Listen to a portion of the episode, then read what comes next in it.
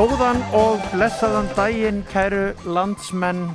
Við erum velkomin að viðtækjunum.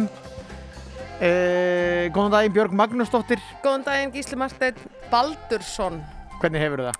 Virkilega fínt takk Er það fyrir. ekki? Jú, ég er svo miklum gýr eftir uh, leiðangurinn hingað Já, vegna þess að þetta er einstaklega falliðu dagur hann Það er, er óætt að, að, að greina frá því hér hann er það hér og ég held að það gildi um Suðurlandið eiginlega allt saman. Já, Það er bara, það er bara svoleiðis eld, það er blóðraut, blóðraut morgunsár.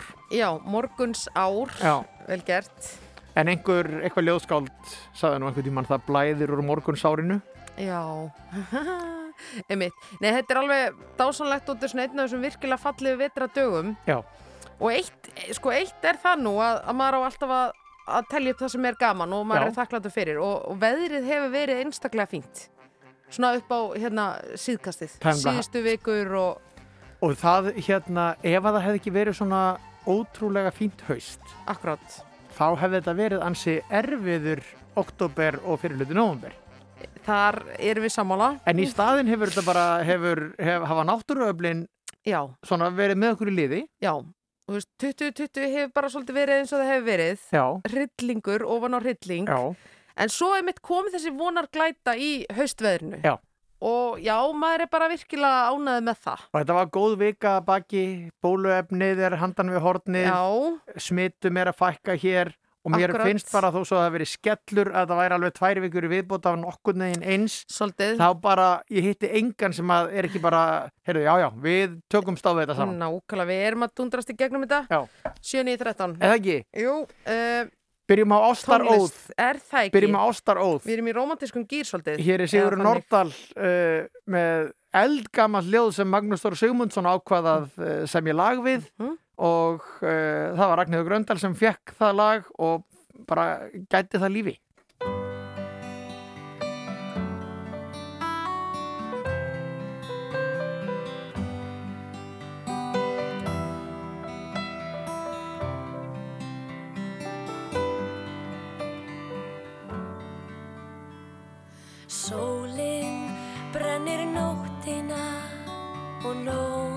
Slökkvir dag.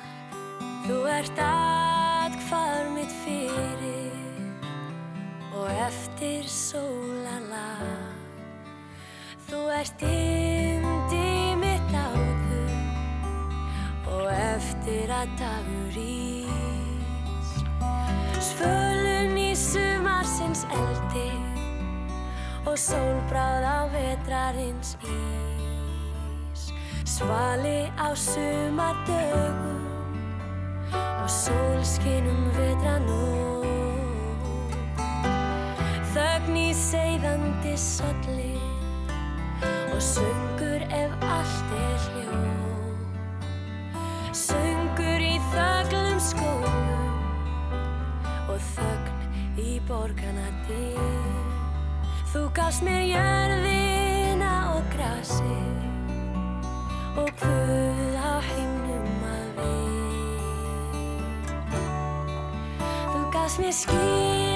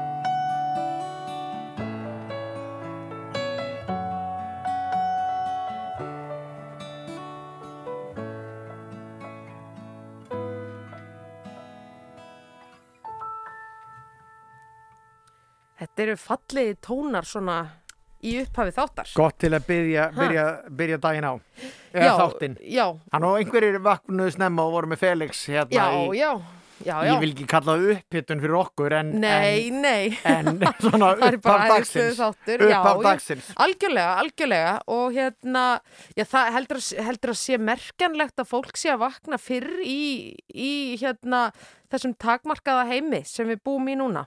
Ég er að velta fyrir mig sko því það er náttúrulega skemmtist það er ekkert opnir og fólk Einmitt. er ekkert, þú veist, ætlið að, emitt, ætlið að sofi öðruvísi.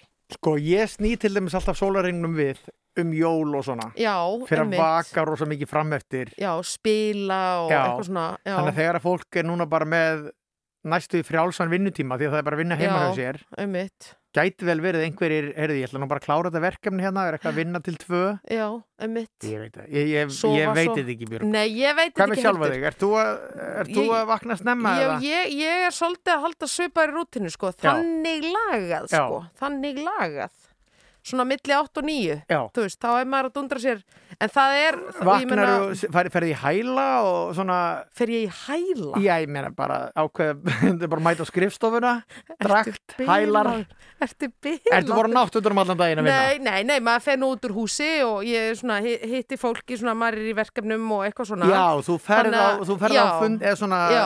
inn á skrifstofu maður er, svona, eitthvað. maður er svona með sport í klaðnað er ekki Já. bókinu 107 Reykjavík sem var að koma út svona ákveðinni típa og Karlmanni líst sem að uh, sko klæði sig í jakkaföld áður en að fyrir að vinna heima Já. ég er ekki búin að lesa þessa bók en það var hérna vinkunum mínu var nefnind í gær það er svona ákveðin típa sem bara í þú veist suit and tie og, og sest við eldúsborðið sko Einmitt. mér finnst það svolítið, það er svona metnaðir sko, Sko, hérna, já, það veist mér líka. Um, ég las einhvern tímann sögu af uh, því þegar að einhverjir, sem sagt, þegar hvíti maðurinn var að byrja að ferðast svona svolítið um heiminn og, og oftar en ekki skemma fyrir frumbyggjum sem voru á hverjum stað. mm Nema einhver maður fór til Ástralíu þar sem voru frumbyggjar Mm. og hann var búin að vera einn með Ástralunum í tvö árið eitthvað. Þá kom annar breyti mm, og hitt hann þar og ég held reyndar að þessi ég held reyndar að því að við vorum að hlusta á ljóð eftir Sigur Nordal, ég held ég að við lesið þetta í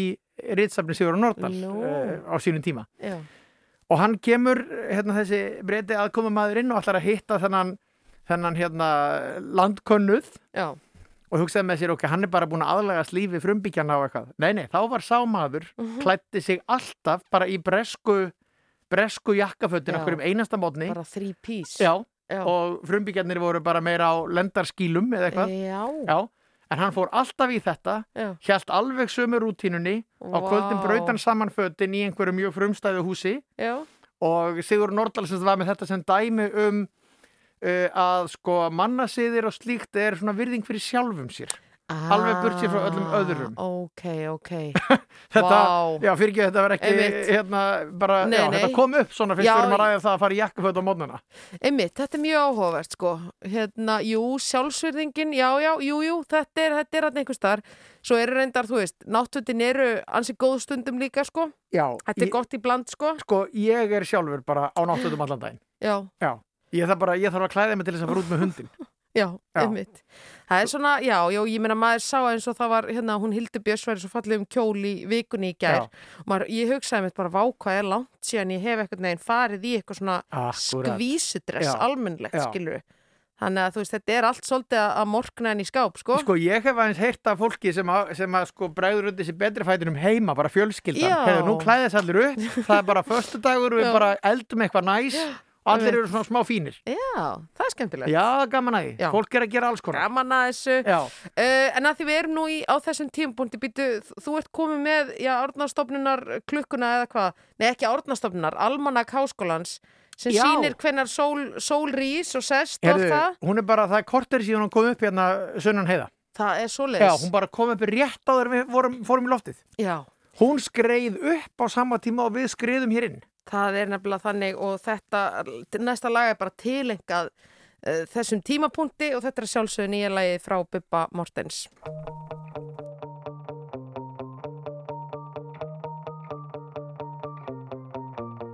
Strax er fætur fór að bera mig á flótta forðast sjálfan sig. Í kvölina hjælt ég gunnið að skást en mér skorti getuna til að gefa ást.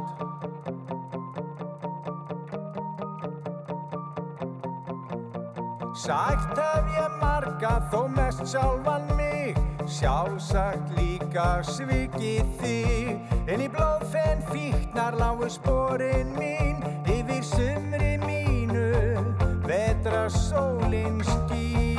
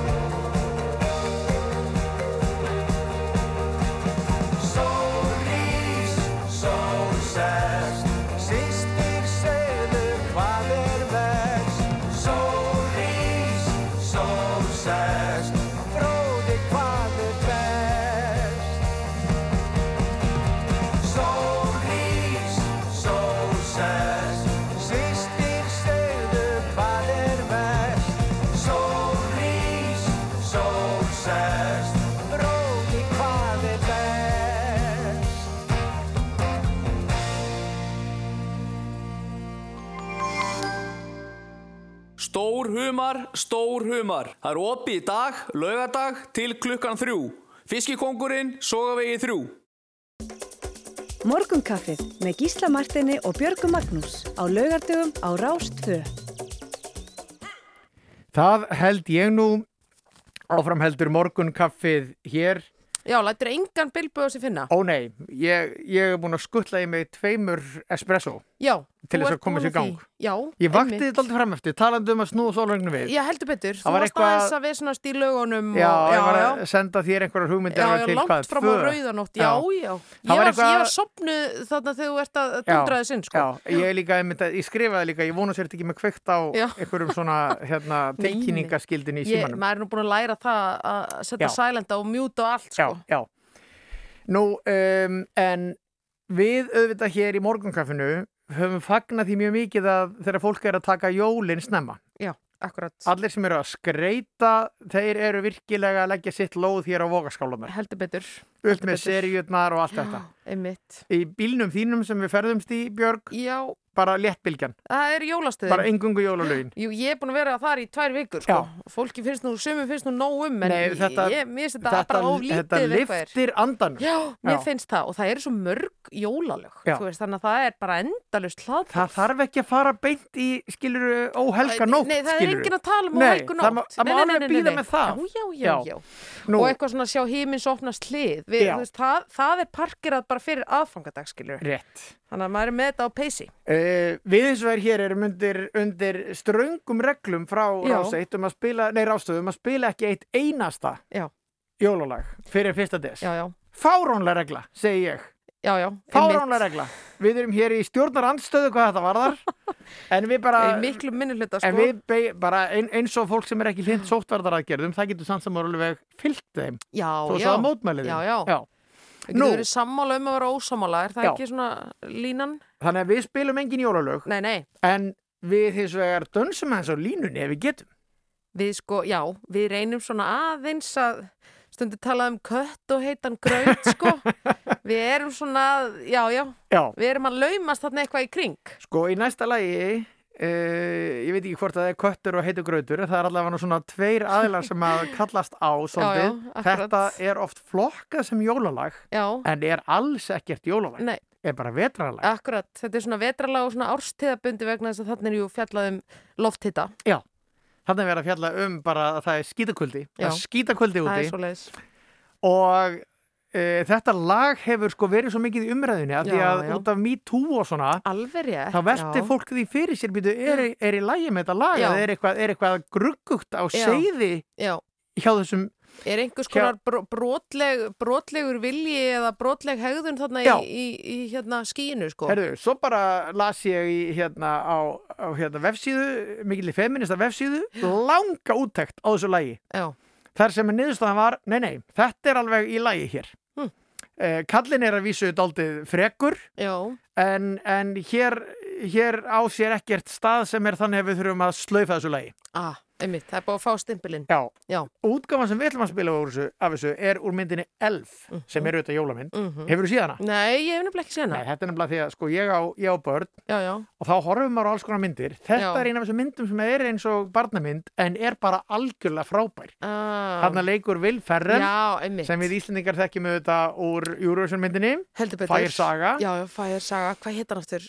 það mann ég ekki, Nei, nei, en einhver íslensku nafni væntalega. já, Sigrid og, já, já, ok, Lars, Lars. Lars, Já, ok, það er ekki svo íslenskt en, en látum það að sleppa. mjög sænst, Hann leikur sem sagt álf einmitt. og eða öllu þetta er mann sem heldur hann sé álfur og myndin er mjög fyndin og skemmtileg Ok. og í þessari mynd er þetta lag Já. og aðaleikorinn í myndinni heitir Zoe Deschanel, Frábær, ég dyrka hana. æðisleg New Girl, leikur í þáttunum New Girl Boom, Já. já, skemmtileg. og uh, og lagið heitir Baby It's Cold Outside og hún er þetta með, með sér náunga sem heitir Leon Redbone Hm.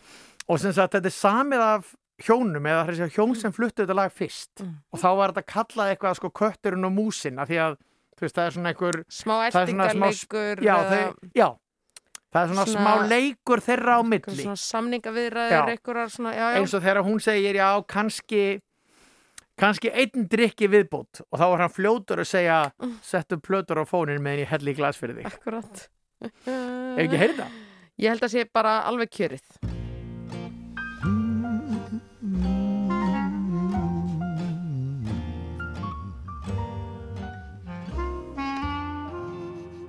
I really can't But stay. baby, it's cold outside.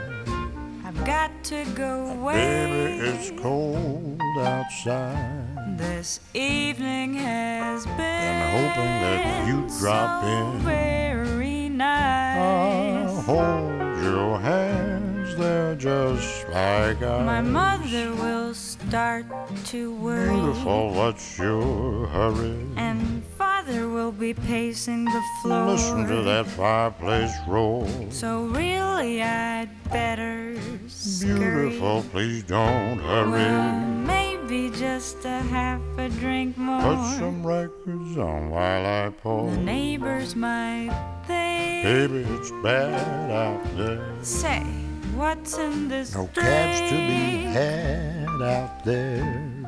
I wish I knew Rising like how starlight to now. break the spell. I'll take your hat, your hair looks swell. I ought to say no, no, no, Mind sir. if I move in closer? At least I'm gonna say that I tried. What's the sense in hurting my pride? I really can't stay. Baby, don't hold out. Ah, but it's cold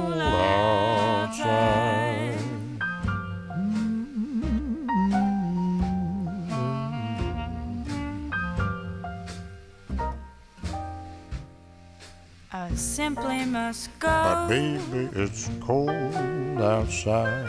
The answer is but baby, no. it's cold outside. This welcome has been. How lucky that you so dropped in. Nice and warm. Look out the window at that My sister will be Gosh, suspicious. your lips look delicious. My brother will be there at the door. Waves upon tropical shore. My maiden aunt's mind is vicious. Oh, your lips look delicious. Well, maybe just a cigarette. Never such a blizzard before. I've got to get home. Baby, you'll freeze out there. Say, lend me your coat. It's up to your knees out there. You've really been great. I'll thrill when you touch my hair. Don't you see? How can you do thing to me? There's bound to be talk tomorrow. Think of my lifelong sorrow. At least there will be plenty implied. If you caught pneumonia and I I really can't stay. get rid of that holdout, how about it's cold outside?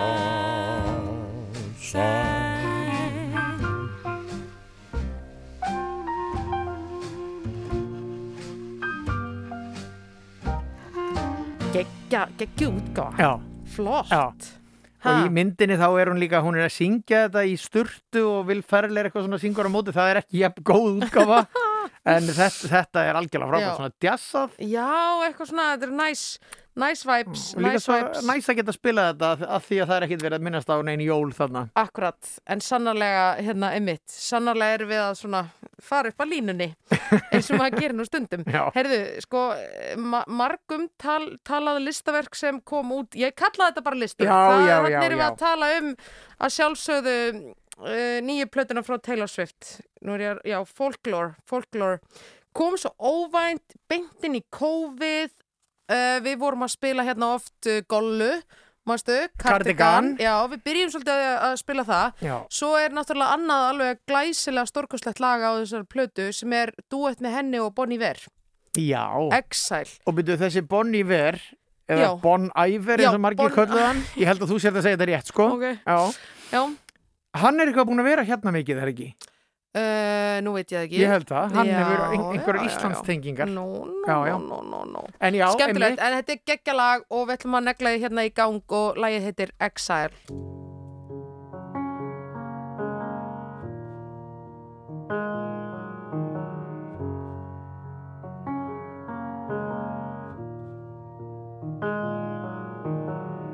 I can see you standing, honey, with his arms around your body, laughing, but the joke's not funny at all. And it took you five whole minutes to pack us up and leave me with it, holding all this love out here in the hall. I think I've seen this film before, and I didn't like the ending. You're not my homeland anymore. So what am I defending now? You were my town, now I'm in exile, seeing you out. I think I've seen this film before.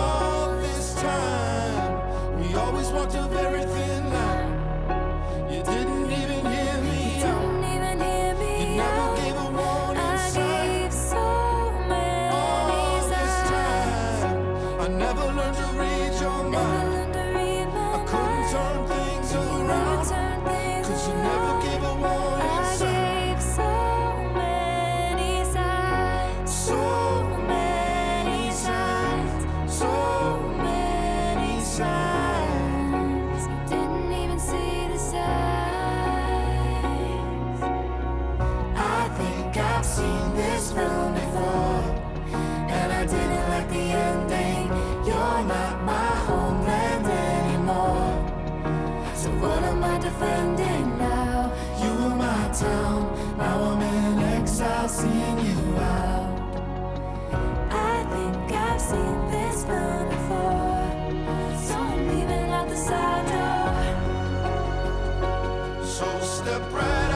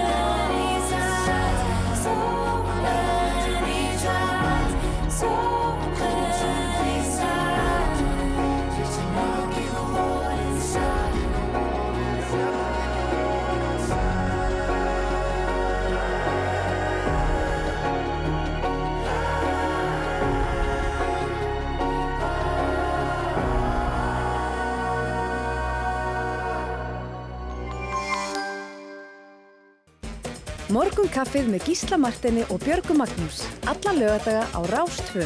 Fyrst og fremst um helgar.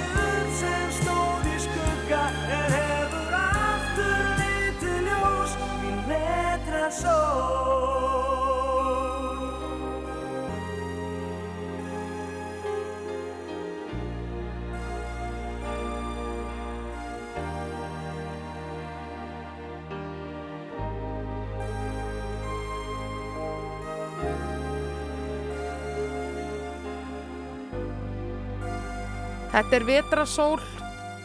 Egil Evarsson, minn mentor hér í, í, Já. í sjónvarpi og, og stórvinnur og toppmaður mm hann segir að þetta sé besta lag Gunnar Þórðar Það er stór dómur. Ég þeir eru vinir eh, hérna, kannski er þetta bara skoðun Gunnar Mm. Þórðar sjálfs, ég veit það ekki. Mm, Einmitt. En þetta er stórt lag sko. Þetta, ja, þetta er einmitt, þetta er dramatískt lag. Við vissum ekki hvað við áttum að, af okkur að gera þetta er 5 og 30 5 og 30, einmitt. Maður er bara hérna hyrðandi eitthvað fólk upp af ganginum Já, og farin að spjalla Okkur og... fannst bara við farin að, farin að svíkjast um hér í starfinu að vera með svona langt lag. Já, já, nákvæmlega En Gísli, þessi helgi sem við erum á núna hún hefur nú oftur lögð undir Airwaves tónlistráttíðina sem Rástöðu hefur nú tekið virkan þátt í gegnum tíðina Já, það er, reynd- má ég skjóta inn í? Já, já, já, Það er enda mjög fyndið að þegar Airwaves byrjar og Æslander var að styrkja þetta já. þá var það sem sagt, eh, þá byrjaði Airwaves einhvern veginn bara september held ég Mm. af því að þá var hann að túristavertíðin búin já. og öll hótel stóðu tóm. Já, þannig að þá var ákveð að hafa Airwaves ah, auðvelt að fá hótel og svona. Mm svo eftir því sem að ferðamennum fjölgaði á Íslandi mm. þá var Airwaves alltaf svona svolítið rángstætt þannig að hún var alltaf að færast aftar og aftar Ah, og er núna út af komin á þessa helgi. En fyndið, Já, ég að- ekki búin að fatta það. af því að, Já. hérna, af því að sem sagt, hvað kallaði það íslensku svona, veist, high season eða, Já, já, eða túristatímin háflóð. Já, háflóðið af túristum. Já, því var ekkert að ljúka fyrir en bara oktober var búin sko. já, Já. meinar þetta var lengi kallað axlirnar á ferðamannatímanum Já, vorið og haustið Já, Já. einmitt en ok, fyrir ekki, þetta var ert einskott fullur fróðlegskísli ha? þetta var einskott Já, nei, bara virkilega stert innskot, virkilega góð pæling. hérna, nei, það sem ég ætlaði nú að segja, þetta er hátíðin með öðru sniði í ár og allt það. Um, og, og diggir hlustendur okkar muna nú, við vorum með sérstakann í fyrra, sendum út þarna frá hérna, hótelinu. slipparnum Slipparnum, nákvæmlega og fengum til okkar mikið okkar flotta lista fólki. En þetta er auðvitað með öðru sniði ár. Og einhverju voru að horfa á útsendinguna á Rúvíkjær og gesla skemmtilegt. Mjög skemmtilegt. Og bara hérna vel gert, það eru auðvitað bara allir að bregðast við tíðinni. já, svo held ég þetta sé þannig að fólk sem er í útlöndum er að kaupa sig inn á þetta Já, til þess að streyma. En, en hér á landi á bara rúf með allt fyrir þau ókipis e e Þarna, þarna kemur rúf stert inn. Ha, við getum nú nefnt fleiri um dæmum það hvernig rúf kemur stert inn. Ha. En við ætlum ekki að gera það. Nei. Við ætlum að segja ykkur það að það var, þeir sem mista þessi gær, það voru sko Ólafur Arnalds, uh, Ásgeir, Múkisson, Emilin Torini og fleiri. Það er að skoða þetta allt inn á, inn á hérna, dagskráni okkar á, á netinu fólk við streyma þessu og njóta góðra tónlistar. En að því að við erum, erum aðdándur þessara íslensku listamanna, þá langar okkur að spila hér eitt lag með honum Múkisson einmitt og það er lagið Murmur.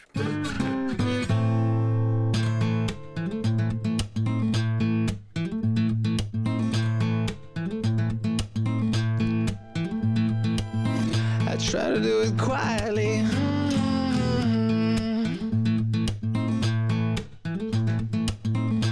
Whisper, more like a shock.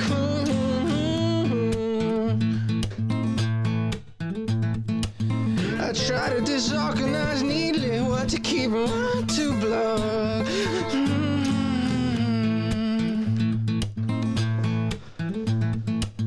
I shout like that old fly.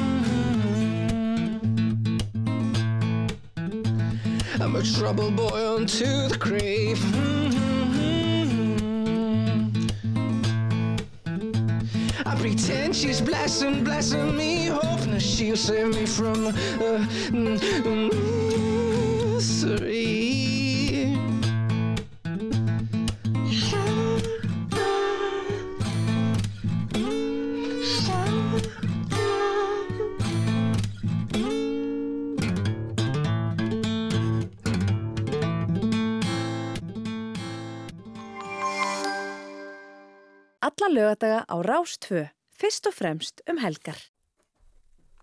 Já, það er helgi í landinu góða lögadagsmorgun eða ég- svona. Er það ekki þannig? Já. Er það ekki þannig? Býtu, hvaða mánadagur er í dag? 14. Það, herri, það var náttúrulega förstu dagurinn 13. í gær. Gerist ekki træðilegt? Nei, ge- við vorum einhvern veginn að fara, þú veist, við vorum að fara upp úr brekkun einhvern veginn í gær og síðustu viku, sko. Já, já, er þetta ekki líka einhver bara amerísk bíómynd eitthvað fyrst og þar og 13. Jú, en ég meina, ég var ekkert að leika mér að því að lappundi stiga, skilur Ah, Þú veist, ég meina, gamla hjátrúin. já, ég Já. segi svona, sko. Það búið að vera á rúndinni sem ég fer með tinna, búið að vera mjög lengi stíi upp að húsi Já. og maður kemst ekki hennan göngustíg öðruvísi en að fara undir hann. Og ég hugsaði mitt eitthvað þegar ég fór feist. Sétt, maður á nú ekki að vera að storka örlögun og svona. Já. En það var engin önnur leið, sko. Ég var ekki að fara að snúa við. Nei, nei, nei, það er ekki þinn stíl. Þannig að síðan er ég búin að labba undir hennar stiga miljón sinnum og bara enn hér, Já, enn hér enn og við hér, tinni enn báðir. og við fögnum því en sko ég, ég sá einhver fólk var að tvíta og eitthvað svona í gær bara ok, það er förstu dagurinn 13. árið 2020 bara, þú veist, ég ætla bara það er bara slagbrandur fyrir útidirnar og ég ætla ekki út úr húsi. Að því þetta ár náttúrulega eins og vorum að tala um aðeins á, þetta hefur verið svona já, já, krefjandi ár. Já, en sko núna eru, núna eru einhverjir minna en 40 dagar þangað til sólinn fyrir að hækka á lofti. það er svoleiðis, Og þetta svo, er bóðskapurinn já, svo eru aðrir 40 dagar og þá erum við komin í sama byrtustig og er núna því að þetta er bara svona eins og normalkurva. mm Þannig að það er hægt að segja að 8-10 dimmustu dagarnir eru framöndan. já, það voru 100 síðast, var það ekki? Jú, rétt fer um 100 fækkandi. já, Af sko. því að við fækkum þessu úr báðum endum. Ertu tölfræðingur? Nei, eða? sko, að því að, að, því að hérna, það er ekkit svo dimmt núna. Nei, nei, Þetta er alveg þólanlegt. þetta er dúabúl. Þannig að Þetta þetta svartasta skamdegi þetta er ekki svo langt Nei, nei. og nú er bara mikilvægt eins og við höfum verið að tala um gleyma kúlurassinum og öllu þessu Já, já, einbytta sér bara að, að sko sælgetu áfengi. hvað kallaði þetta hérna sjálfsástinni Já, sjálfsástinni, Já. mér varst það fallegt, Já. sko. Já.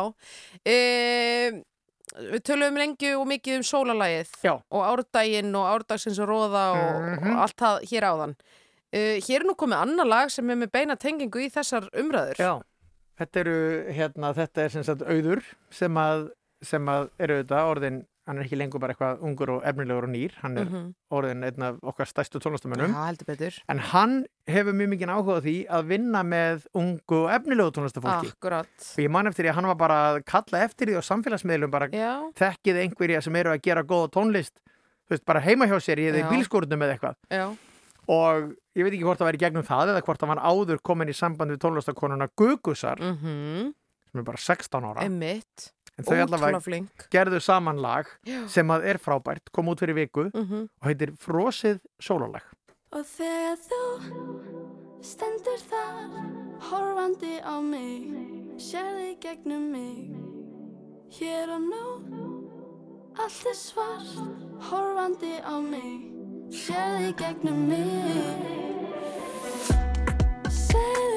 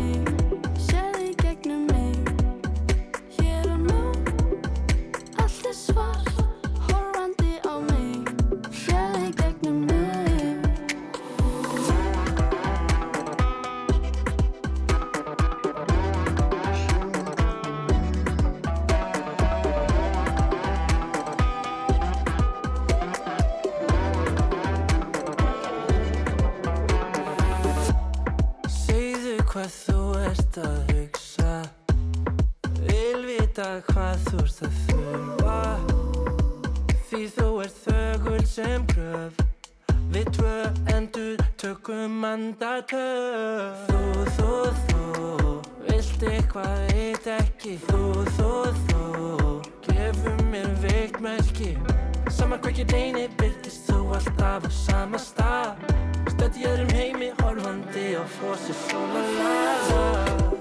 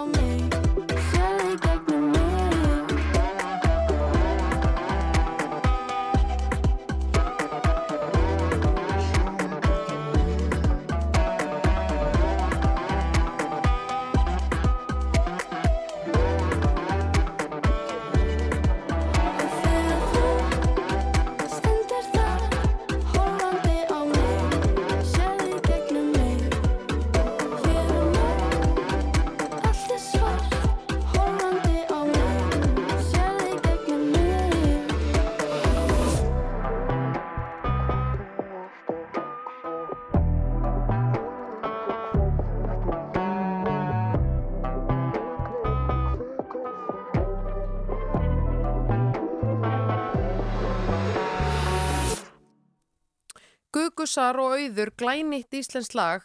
Útrúð flott. Mjög flott. Og svo var auður að gefa út lag í gær. Þetta, er bara, þetta streymir frá þessum Já, krökkum. En það las ég einhvers staðar að þau, það er enginn að spila á tónleikum. Nei, þannig að þau eru bara í stúdíu, bara búa Já. í stúdíónu já, og það er bara, það er að hlaðast upp lög. Já. Við erum þakklátt fyrir þetta. Við erum þakklátt fyrir þetta. Þetta er gott. Bæði eru þau að mjalla út núna og svo hugsa ég að svona, eh, segir ekki bæði, bæði hérna Fauci, Dr. Fauci Já. og Dr. Kári Stefánsson að lífi verið komið í svona nokkurn veginn eðlilegt horf um mitt næsta ár. um mitt Það held ég að verði Vá, góðir nei, tónleikar Vá næsta sumarmaður. Vá eh, Gísli Marsteinn, það eru fréttir framöndan 11 fréttir Svo verðum við hér áfram og ætlum meðal annars að ringi hérna auðu öfu rithönd Já. sem var að senda frá sér nýja bók og sitt hvað uh, flera Já, verið velkomin aftur inn á 12. tíman, kæru hlustendur. Taldiru fréttirnar? Það eru aldrei 11. Nei 11 fréttinar, þetta er bara, þetta er svo er mikil sögufölsun hinn í gangi. Sögufölsun. 11 fréttir, nei, aldrei 11. Alltaf sko fjórar. Í Fjórar- mestalagi fjórar. Mestalagi fjórar Þetta er bara lélegt. Já, þetta er, er ætlar að kalla röng þetta 11 fréttir, skilabóð þú ætlar að kalla þetta 11 fréttir. Einmitt, hvað er verið að segja fólki Ég skilurðu? hugsa að þetta hafi verið 11 fréttir sko áður en niðurskurðurinn kom. Já, Mér finnst það mjög líklegt, þetta er arfleif frá því að það voru 11 fréttir. bara einmitt, já, já, það er nákvæmlega þetta segir okkur, sýnir okkur svarta hvíti hvernig niðurskurðurinn hefur farið með þessa stofnun 11 fréttir eru komna neyri fjórar. En bara nafninu var ekki breytt af því að fjóra fréttir er einhvern veginn hljómar ver. Já, já, það Fjórar fréttir. Jú, jú, Nú vissulega eru lesnar fjóra fréttir. Miklu betra sem nú eru 11 fréttir. Herðu, en ef að byrja á bakalúti? Er það ekki, Því ekki. þe- Þeir hérna eru nú ábrendi í hugum fólks á þessum ástíma Ven, sko, undir vennilegum kringustafum væru mörg þúsund manns Já. búin að tryggja sér og farin að hlakka til e, tónleika í háskóla bíói. Já, Það jafnvel er að plana, þú veist, hvaða pela fólk ætlar að taka með sér, þú veist, fólk væri byrjað að hugsa um það núna, skilur Ég fór í fyrsta skipti í fyrra, þú líka eða hvað? Ég, ég fór í hitti fyrir held Já, ég ég fór í fyrsta skipti í fyrra Já. og ég hafði bara ekki, ég, sem sagt, eh, ég vissi alveg að öllum fannst gaman og svona, en ég bara hafði ekki gert mér í hugalund hversu gaman væri. Nei, ég, ég er mikill bakalúts aðdáðanda, það er Já, bara já. að hlusta á plötunar heima og, er Já, já. ekkert svona mikill tónleikamæður, Mhm. en þetta er bara, það var bara svo frábær skemmt, Já, svo vel gert. sammála, ótrúlega vel gert. Eitt lag, við náttúrulega meðum ekki spila jólulegin, Nei, nei, en ég held að hreinlega hafi verið á fyrstu plötunni sem að lagi Pabbi þarf að vinna kom. Þar sem að þeir sína bara hvað þeir eru snjallir. Þannig að fenguði Rúnar Júliusson með sér. Og, og hérna bara þessi frasi, Pabbi þarf að vinna er eitthvað svo góður það er verið að kjarna þarna einhvern stóran heim Já. Já, heyrim þetta lag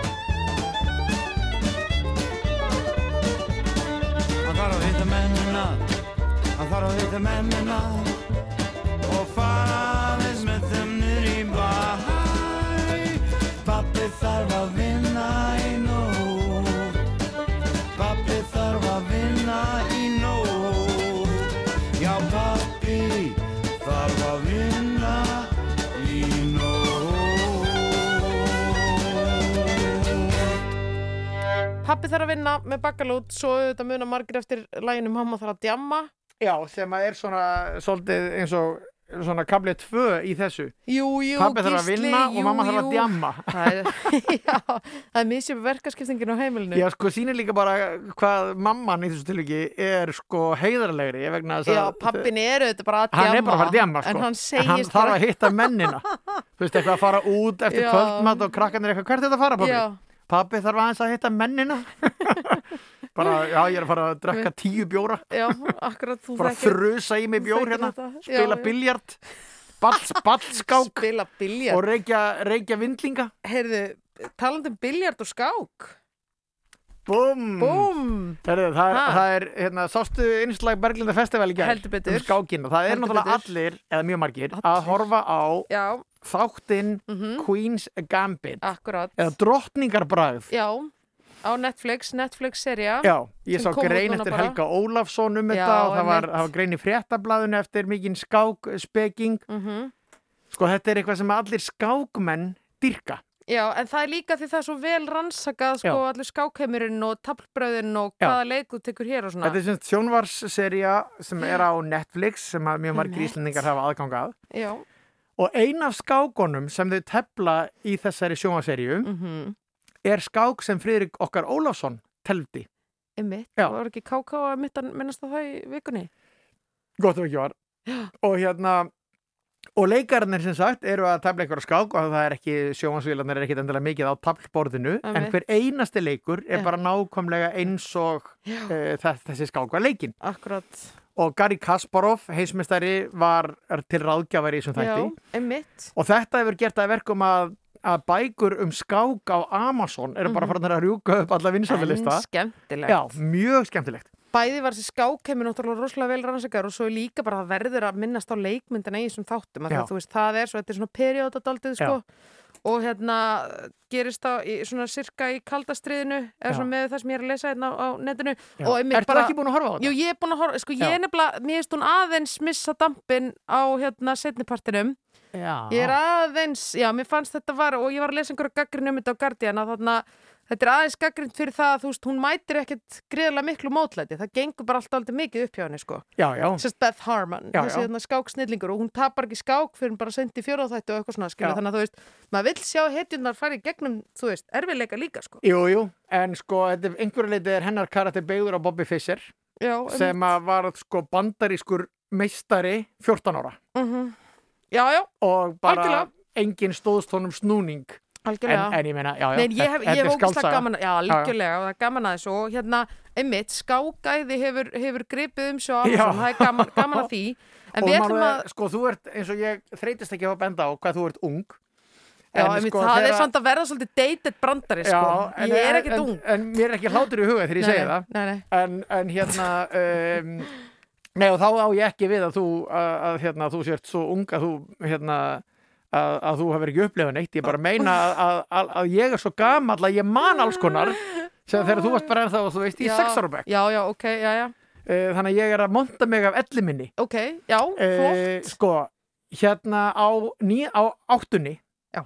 þá var það bara þannig að ég bara vissi upp á hár hvað Margi Pétursson var með mörg elóstig og þú veist, Jóhann Hjartason var bara náungi sem að ég uh, dyrkaði Þetta sko, þetta voru stórmestari í skák. Já, Í dag já, veit enginn hver eru stórmestari í skák á Íslandi Nei, nei. finnst mér. Þetta gæti verið að lúðalegasta sem þú hefur játað í þessum já, þætti. já, en þetta var svona, gæti, gæti þeir verið það. voru bara Já. hinn er fjórir fræknu þú veist, Jóhann Hjartason, Jón L. Átnason Margi Pétursson veist, og ykkur fjórði. Fjórði maðurinn. Já, Helgi voru- Ólafsson, Helgi Ólafsson Já, ok, já, ok, já. Sem er ennþá að skrifa grænir um skák. Já, og, já, já, og þessi já, já, gæjar já, já, voru bara svo mikla hetjur. einmitt. og, og hérna, allir vissu hverju þeir voru við vorum öll að fylgjast með þeim það voru Mm. beinar útsendingar ef þeir voru að tefla einhversar í útlöndum. Þetta Vá. var, þetta var alveg merkilegu tími. Já. og á þessum tíma, þetta var ekki Já. bara á Íslandi Já, þá voru Abba bræður Björn og Benny, Akkurat. þeir eru svo skák. Búm það er eitthvað Já, sömdu söngleikin Chess og í honum er þetta geggjaða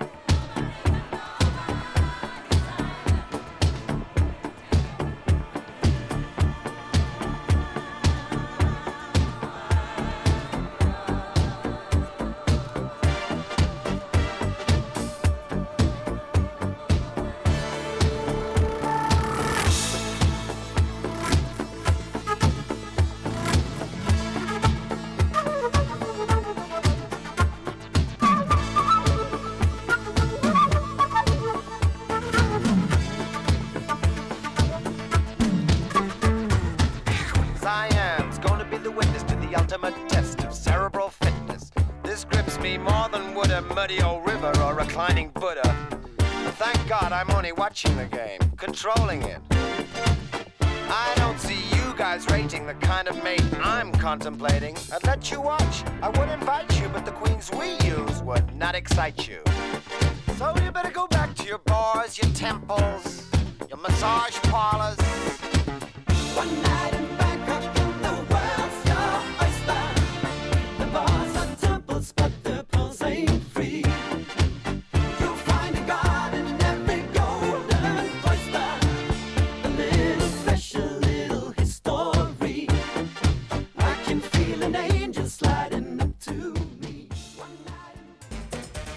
Kaffið með Gísla Martini og Björgu Magnús.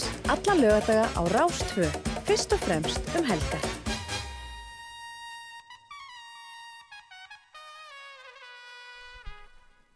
Áframhaldi við, Gísli Martin hérna á Rás 2, morgun kaffið, Já. gengur sinn gang. Og við höfum haft það fyrir reglu undanferna þætti að heyra í einum höfundi sem Mhm. er að gefa út uh, góða bók um jólinn. Það er nú þessi vertíð í gangi. Er, þessar jólabækur er að koma og bjarga okkur. Já, nákvæmlega, þetta er Eh, ljós í myrkri. Já.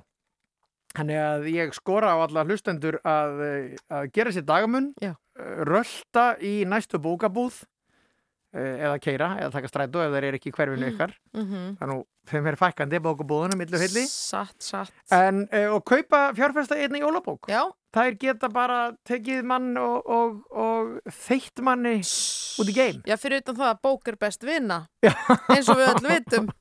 Bókin línunni- svíkur mann ekki, sko. Nei, rétt. Hmm. En á línunni er auður Ava Ólafsdóttir, uh, rithöfundur. Uh, heyrur til okkar auður? Já, góðan daginn. Góðan daginn. Góðan og blessaðan. Hvað segir gott? Allt þetta fína. Er það ekki? Já. Jú. Já. Byrja að skreita eða? Nei, ég að einu serju sem ég á, ég ætla kannski býða eina viku. Já. Ég meina mér þetta. Ertu með eina seríu, já? Ég held ég eigi eina en, en á, ég geti nú kannski fjárfært í, í fleirum. Já. Hérna blikkandi hreindir. Emi, ertu, setur þessa einu út á svalir eða ertu með hana bara í, inni hjá þér? Ég setja hana náttúrulega fyrir sko nákvæmna, út í glugga. Já, Ah, akkurat. Þetta er félagsiggjan í verki, sko. Já. Er mjög fallegt. Þú, þú ert fyrst og fremst að hugsa um að gleðja aðra. Já, já. Já, já. Þú hefur nú glatt marga auður í gegnum tíðina með, með bókunuðinum. Þú veist auðvitað bara, hérna hefur verið lengi að og núna er sérst er að koma út, er komin út nýjasta verkið sem heitir Dýralíf og kemur út Já. af Benedikt útgáfu. Uh, þetta er hvað, sjönda skáldsaganinn? Já, áttunda bókin, sjönda skáldagan. Já, Það já. stemmir. Já, sko, við erum svo forvitin. Uh, hvernig, ég meina, hvernig bók er þetta? Dýralíf, já, Þetta, er, þetta er bók sem að hérna fjallar um, uh, brotættasta og, og uh, bergskjaldaðasta dýrið, þetta sem fæðist án fýður svo fjadra og, og hérna felds og hreistur, þannig að um okkur, um, um þetta dýr sem er lengst allra ósjálfbjörga og, og hérna upp á aðra komið, en getur líka verið það grimmasta. Mm. Og svo er ég að reyna að átta mig á því hvað gerist svo. Þannig að eftir að við hættum að, að vera cirka 50 cm á lengd, í hverju erum við góð, en líka hvað fyrir úrskeiði hjá okkur. Og hérna, og svona í bakgrunni er samanburðu við önnur spendir, meðal annars kvalinn sem er uppáhald stýri mitt og, og kemur svolítið fyrir í bókinni og sem að notast við ljósmóður e- eins og hérna maðurinn. Og, og söguhetja er einmitt, einmitt ljósmóður og hún er að reyna að skilja ljósið og hérna og sögupersona tengjast eiginlega alla ljósin. Alveg nokkra ljósmæður en rafvirki líka og björgunarsveit sem er skipuð konum og sem vinnur aðalega að því að bjarga ströndu um kvölum og svo er líka leðsúmaður í Norðurljósaferð sem er reyndar líka heilbrið starfsmaður að drýja tekjurnar. Hérna. Ljósmáðir. Vá. Þannig að, að, já, það er ekki sko margi ferðamenn en, en, en það er ekki það, það er ekki COVID í bókinni Nei. en, en hérna það er eitthvað það er ekki pestin en það er svona um, umhverfisvá sem er undirliggjandi og, og hérna menn botna ekkert í veðurkortunum styrkir söguheiti er, er veðurfræðingur Einmitt. þannig já, þetta er, þetta er svona uh, uh, ljósmóðir að reyna að skilja ljósi En sko, þetta, þetta er nú frábær lýsing á þessari bók auður. Mér finnst sko Mhm. eins og, ég er ekki búin að lesa dýralíf, ég er að spara mér hana, Mhm. en, en ég hef lesið hinnar bækurnar þínar og mjög oft er það er einhver svona innri tókstreita hjá, hjá söguhetjónum, en, en þú lýsir þessu næstu því eins og þarna sé, eins og þessi meiri áhersla þarna á umheiminn heldur en á þessi, þessa innri tókstreitu. Já, sko, að reyna að skilja mannin í heiminum og, og hann, hann er stundum, veit ekki alveg, hann nú ekki sjálfa sig, hann er eiginlega, uh, hérna, ókunnugur einhvern veginn, hann sjálfur er svo framandi oft fyrir, fyrir okkur. Og maðurinn í bókinu er svolítið eins og barn sem er að fyrst í slökkvar, að, kveikja og, og slökkva ljós. Og, en það eru, ég er náttúrulega alltaf, ég er alltaf að segja sögu og þetta er svona tvírætta bók um uh, tvær ljósmæður, svo eldri er ömmu sýstir söguhetju og sem að hefur erst þarna halva íbúð eftir þess að frængu sína á móti hérna, dýravendunarsamtökum Íslands. Mhm. Þannig að hún býr Hvar er í það í bænum? dánarbúi og þetta er eins og lager fyrir antikbúð Já, já, já. En veitu, hvar, hvar er það í bænum? Á ljósallagötunni. Það er náttúrulega sjálfur mér. Þetta er svo skemmtilegt, er svo skemmtilegt. En svo er... En svo... hugmyndin já, af því kviknaði þegar ég komst að því að það er talsvægt um það íbúið sem seldar með dánarbúi sem að Ah. kennir okkur það að það vill engin dyrgripina sem að við, við hérna safnum að okkur. Nákvæmlega. En auður, það er nefnilega, þetta er ótrúlega skemmtileg kápa á bókinni og þarna, þar kemur við sögu myndrænt sko svona síkíta uh, bananakassi einmitt með einhver svona pappir í og, og, og þar er eitthvað gamalt dótið eitthvað og, og kassin kannski spilar eitthvað einhverja rullu í sögunni. Já, sko ef að maður býr í dánarbúi þá fylgir alls stótt með og, hérna söguhetja mín, hún finnur þennan síkíta bananakassa er þremur handritum sem að ömmusýstri vann að Mm. og titillin á einu handritana er einmitt dýralíf Mhm. en það er að vísu með undirtitli sem að mín bók hefur ekki Mm. og sem að er hérna rannsókn á því sem mannskjarnan er færu um Mm. og síðan er annað handrit sem að heitir sannleikurinn um ljósið og þriðja uh, tilviljunin en eru, þetta er allt svona drög þau eru all ókláru, þetta er, þetta er svona verk í vinslu Já. svolítið eins og lífið og, og við Já, einmitt, Já. þetta er svo djúft sko, maður er bara, já. Eru, Þetta er hérna, magnað. Já, ég man auður, af því að ég er engin bókmyndafræðingur og ég man ég las afleggjaran Mhm. og fannst hún bara algjörlega frábær. Svo. Já, já, og bara eins og allar bækurnar þeinar, þú ert uppáhaldi. En, en hérna, en af því, að, af því að ég er ekki greindari en ég er og þá man ég hvað mér fannst ég vera vittlaus þegar að mér var síðan bent á öll táknin í bókinni sem ég hafði ekkert fattað. Ég hafði bara Mm. lesið þessa bók eins og barn Mhm. og fattaði ekki að, að alls konar hlutir voru tákn fyrir alls konar hluti. Mm. en ég fatt að það ekkit heldur hvað góð við mig. Við þurfum ekkert að fatta þetta Nei, nákvæmlega, ó, nákvæmlega. Einmitt, ég ætlaði einmitt að spyrja þig að því hvort þú væri, hvort þú skrifaði svona eins og eins og góð Disney mynd er þar sem að, þar sem að sko fullorðnir geta horta á hana og skilið hana á einn hátt en, en börn geta lesið hana og skilið hana á sinn hátt. Ég var alveg til í að vera svona Disneymynd. Já. Bara skrifa uh, Disneymynd. Mm. Nei, ég held þetta sé bara óskup látlös bók um kannski svolítið eh, hérna stór, stór efni líka. Það er bara eftir hver, hver les, hvernig við erum innréttuð. En þetta er svo sem ekkit flókið, manndýrið í samanbörði við önnur dýr og líka plöntur. Það, hérna, segir í bókinni að, að þótt maðurinn komist ekki af án plantna þá komast plantur ágæta af án okkar. Þetta er ekki drosa flókið.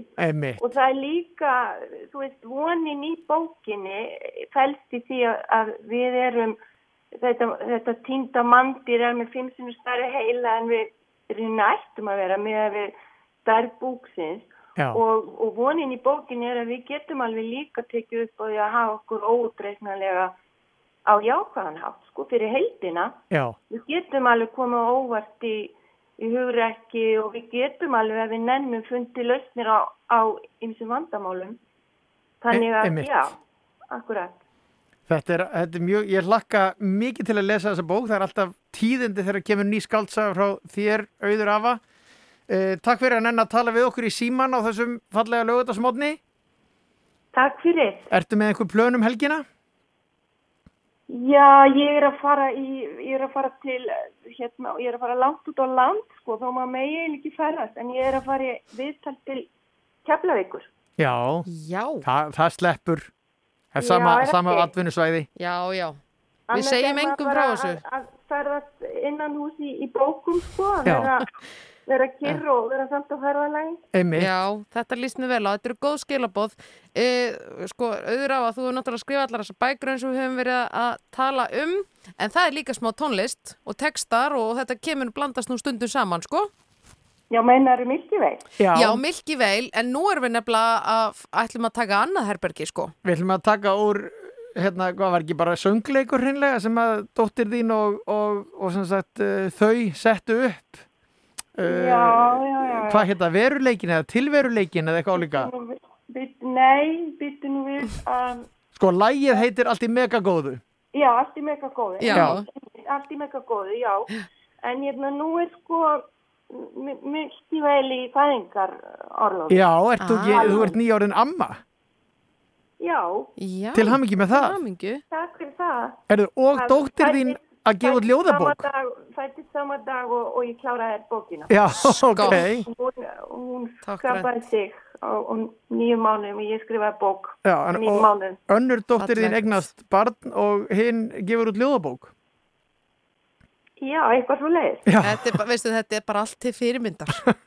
Er jú, veistu, þetta er bara allt ásamlegt og hérna, við ætlum að heyra þetta lag, allt í megagóðu og þú skrifa textan við það og, og hlökkum til að hlusta á það og bara takk fyrir að, að ræða við okkur auður af að Ólafsdóttir Ritthundur og gangið vel á, á vertíðinu og auðvitað í Keflavík. Þakka fyrir. Takk, auður, bless. Bless.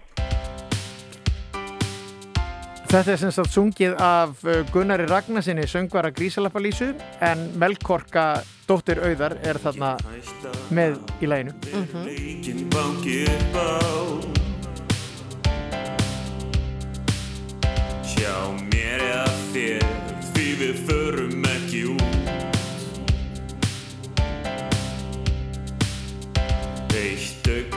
augnablík Eitt lítið augnablík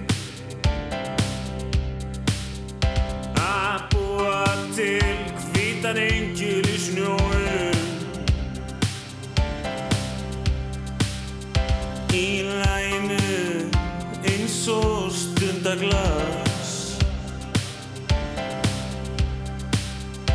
Í lænu eins og stundaglas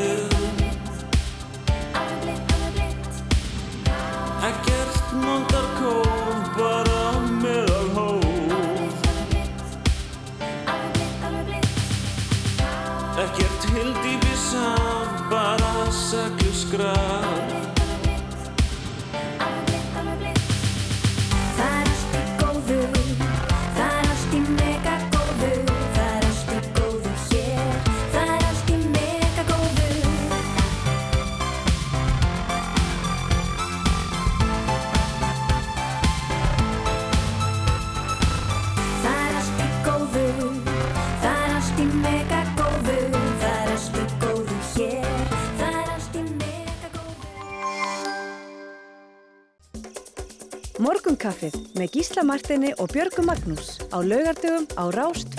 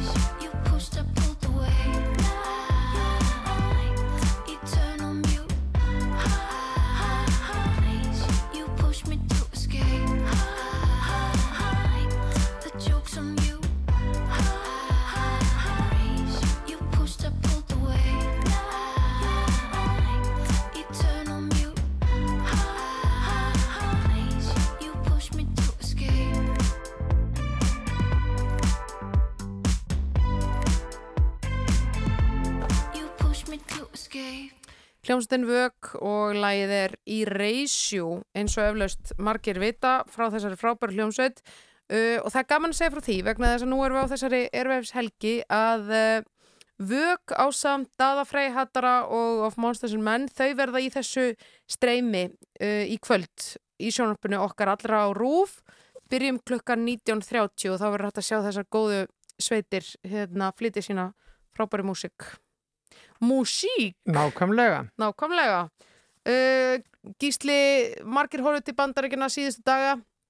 Margir uh, fögnuðu afgerandi niðurstöðum Já. og þær voru nú svona ni- m- sko munurinn milli Sleepy Joe Biden og, og Trumpar hans var, hann varð á endanum aðeins meiri kannski en Í hann er sko jafn mikill eins og munurinn var á Trump og Hillary. Og menn sagði alltaf að akkurat. Trump hefði burstað Hillary. já, þetta er eiginlega, það munar alveg einhverjum, hvað, 70-80 kjörmönum Já. Þannig að hérna, ef þetta fer núna eins og að því að það eru í rauninni búið að, búið að uh, staðfesta öll Já öll ríkin Nú er bara búið lókus og það gerist náttúrulega ekki fyrir henni gær sko. þetta tekur alveg, tekur alveg sletta tíma sko. en að því tilöfni þá lítum við vesturum haf já. og náum í góða hljómsveit sem að, eh, já, þetta eru bara strandastrákarnir Solstrandagæjarnir Solstrandagæjarnir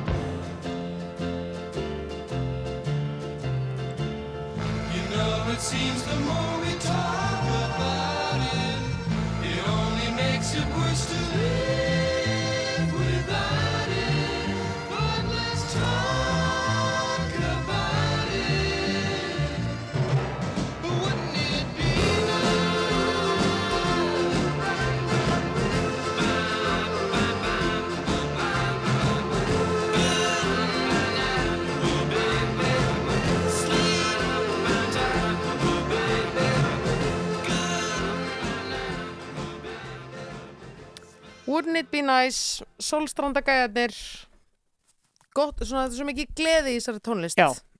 Og mörg lögin frá þeim auðvitað algjörlega frábær. Nákvæmlega. En nú stittist í uh, nón, eða hvað? Rétt. Já.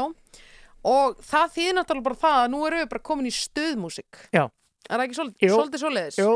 Og eh, uh, Emilian Torín er einmitt líka einn af þeim listamennum sem tekur þátt í erfæðs útsendingunum hjá okkur á Rúf í ár. Já. Hérna kemur nú negla. Ha. Tähtenupara. Kontimäitä. Kontimäitä.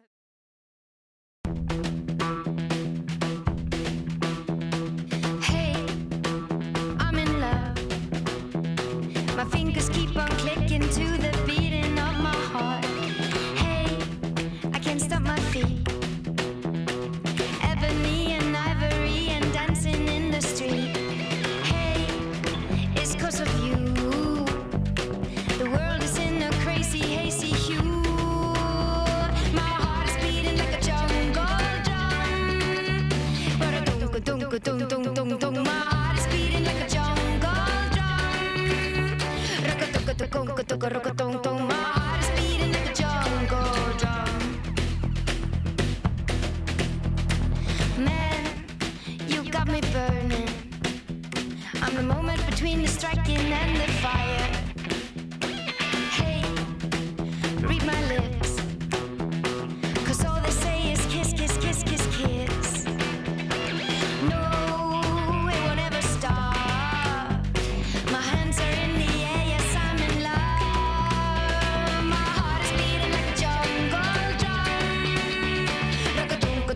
咕咚咕咚咚。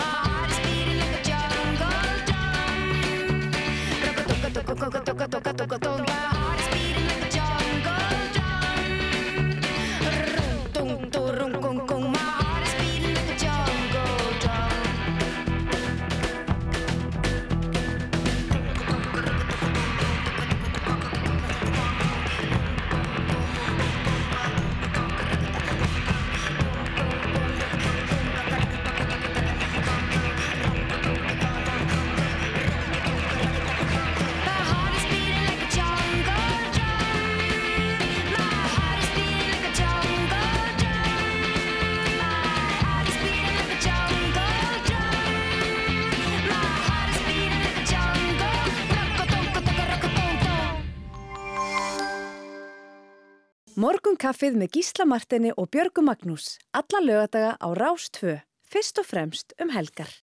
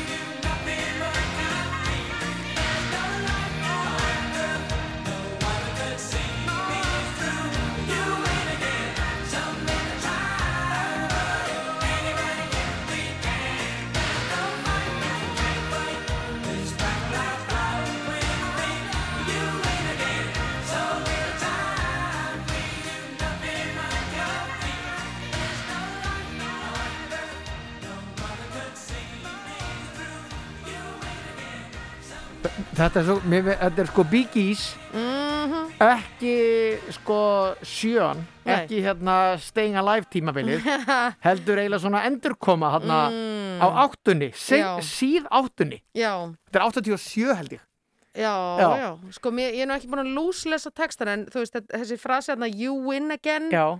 Þú veist, hvað er, er, það er eitthvað svona treyji í þessu. Já, En samt svona, þú veist, þú ert góðu tapari, sko. Já. Er það ekki? Er þetta ekki svona? síðan náttúrulega einhvern tímann höfum við spilað hérna í þættinu lagi Gibba Gaman Gaman sem er lag latta um Já, þá já. gibbræður mjög gott lag reyndar Já, já. spilum það einhvern tímann setna Já, já, já, já, já, já. Eh, en sem sagt, við erum aðeins búin að vera að liggja í þessum svona, þessum, þessum hérna lögum sem að eru með svona góðar minningar af einmitt Já, áttunni, níunni, já. eitthvað svona Minningar er allt sem við höfum í dag. Eða svona. Verðu, næsta lag er líka þarna einhver staðar. Já, já. Eh, af held ég fyrstu sólóplötu Pálma Gunnarssonar Jói G með neglu Vá, sem hann þetta- ofan í Vá, ofan í vopnfyrðingin hér er hvers vegna varst ekki kyrr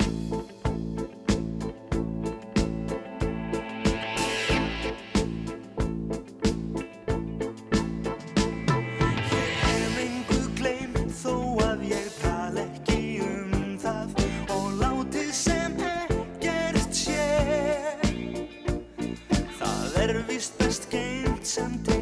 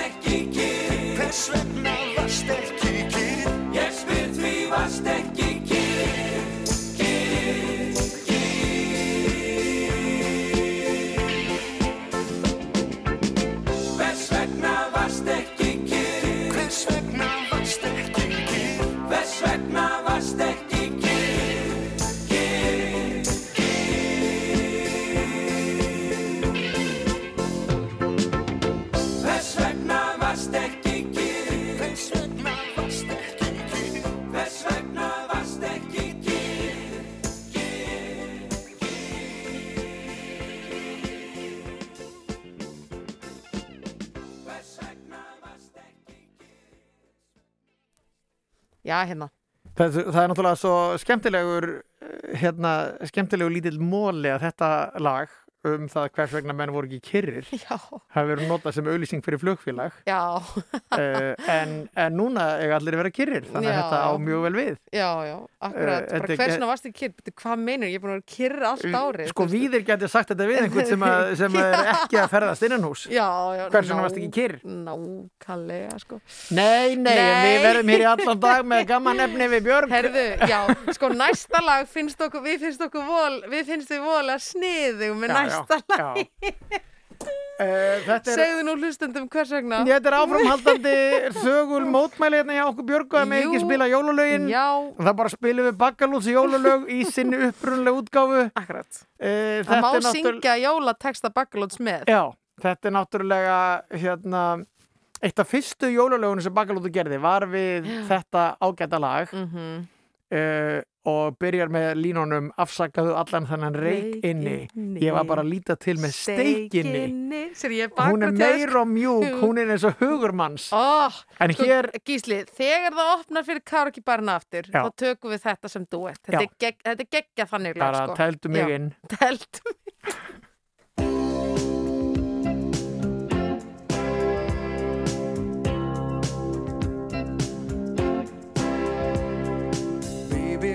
I met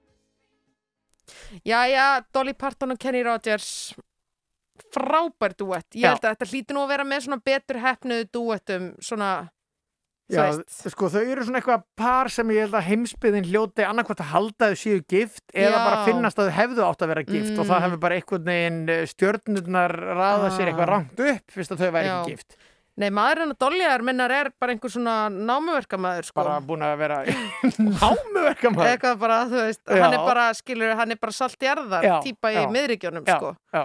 Bara raunhagkerfunu gísli. Já. Og hann er aldrei komið á tónleika með henni. Nei. Bara, það er bara, já. Þetta veist þú eftir að hlusta á hlaðvarpið... E... Dolly Partons America. Já, Amerika dolliðar. Stórkostlega hlaðvarp. Vel unnið og vel gert og við fögnum því og liftum því. Já. Dolly er minnir aðeins á hérna tískuna sem var hérna um miðja síðustöldi í, ég held að við aðalega verið í Reykjavík mm. að, að hérna að fólk hétt einhverjum svona nöfnum sem Já, að Lagsnes ger mikið grínaði í atomstöðinni Bibi og Didi og, og hérna Bobo og eitthvað svona. Dudu, Didi, já, já, eitthvað, þetta þótti að vera mjög töf maður sér ennst á minningagreinar þar sem að fólk af þessari kynslu er að deyja mm, mm. og þá er fullt nafn þeirra en innan svega kannski Didi að því að allir ah. þekktana sem dýdla Já, einmitt. Nei, þetta er bara magnadæmi Nei, þetta er bara sko. virkilega skemmtilega móli hérna sem ég er að gefa ykkur hérna Já, en þetta er ágætt, ágætt svona vegna þess að við erum aðeins að fara að skipta þeim gýr hér já. og við erum aðeins að fara við erum aðeins að fara að hækka í basabóksinu sko. Já, það er hérna stór luti okkar kynnslóða mm -hmm. ólust upp við eh, uh, hljómsdana Kvarasi Já, Kvarasi emitt hefur verið eina af þeim hljómsdana sem hefur sko ídrekka komið náttúrulega fram á ervefs Heldur Haldið betur. uppi sveittum tónlegum Rosalegum og hér er eitt af þeirra fínu lögum sem að er svona þegar klukkan er að sigla um háttegið og uh, fólk er að fara að bræða um þessi betri fætinum sem er að fara á hæla. Björg, ég er ekkert að, að segja að þú þurfar að fara á hæla. Daniel Ágúst var á hælum í þættinu mínum í gær. Já, Kannski skell ég mér á hæla á eftir. Já, já. Ert, eh, já flott, flott. Hérna er stöngun.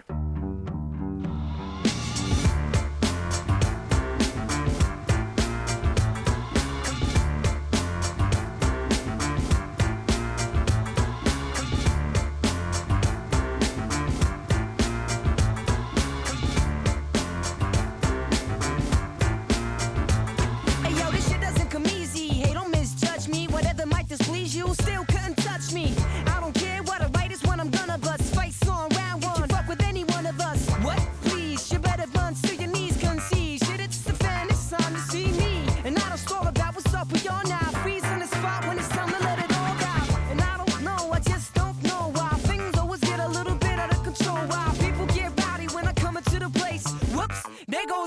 in your face.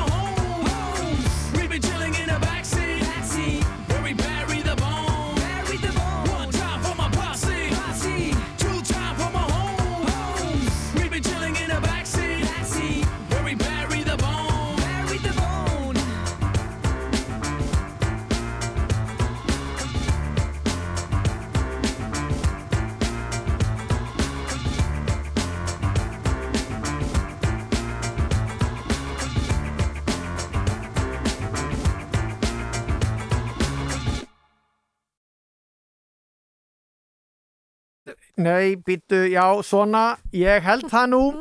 En það var, það var örlítil trublun hér að því að vikulókin voru að klárast á rás eitt og voru að streyma hér út gestir. Gestir og, og vestfjörðar Bessi sem að stýri nú þessum ágæta þætti. Já, Eh, Patricksfjörðar Bessi já, Bergsteinn Sigursson uh, hérna, sem líka skrifa fréttir í vikunar Já, í vikunni. Já, Já. það var flott hjá honum í En gær ekki ein hamur. Þetta var flott hjá honum í gær. Ég var í kasti yfir þessu. eh, Káka hann að spila já, það var skemmtilegt. Herðu, en hérna, í þessu, þetta lag Kvarasi Já, tölum aðeins um það. Bassalínan. Þetta er náttúrulega kveitibjörn með stuðmönnum. Ah, Hver var það?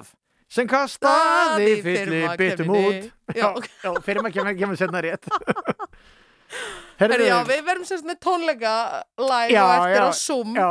já nei. Herri, við erum komin í ans, ansi góðan gýr hérna í stúdíu 1 í, í eftirleitinu The Headquarters eins og þetta er nú kallað. Er, um, hvernig tíminn er, er, er við með eitt lag eftir? Já, það er Já. eitt lag enn en þó ekki það lag Við Nei. vorum svona að velta þessu fyrir okkur í morgunsári þegar við byrjum að funda sko hvað geti verið gott lokalag fyrir daginn í dag Já, sko og við, þetta var, það var ímsu kasta á já. Ímsu Hver er þín eftirlætis uh, svona kvikmynda þrenna þar sem að komu sko ekki bara tvær kvikmyndir, svo veist, dag hérna 1 og 2 Mm. heldur þrjú Vá, vá, mér dettur nú ekkert vola mikið í hug Nei Nei, uh, Sko, jafnvel, ég meina fer, fyrir utan jafnvel eitthvað svona ferna Star Wars, skilur Star Wars, það er eitt, það, það, var, það var þrenna Harry Potter, Harry. Potter, margar, akkurat Mhm. Lord of the Rings, það er þrenna Lord of the Rings Já, Já. þegar ég var lítill Já. Rocky Búm. Rocky 1, Rocky 2 Rocky 3 og svo kom Rocky 4 og það var Drago sko. Þetta Nei, var, ekki, var það Rocky 3? Nei, það var Rocky Já, 4 en mannstu líka þátturinn er, það er svona 60% réttar upplýsingar sem Já, koma hérna fram, þannig að nákvæmlega. bara flott.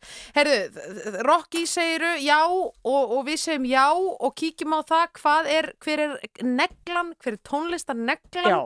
úr, úr þeirri mynd. Ég er næstu því vissum að það verið þeirri mynd frekar en einhver annari Mhm. þá var það hinn frábæra sveit Survivor ah. sem gerði Eye of the Tiger Mhm.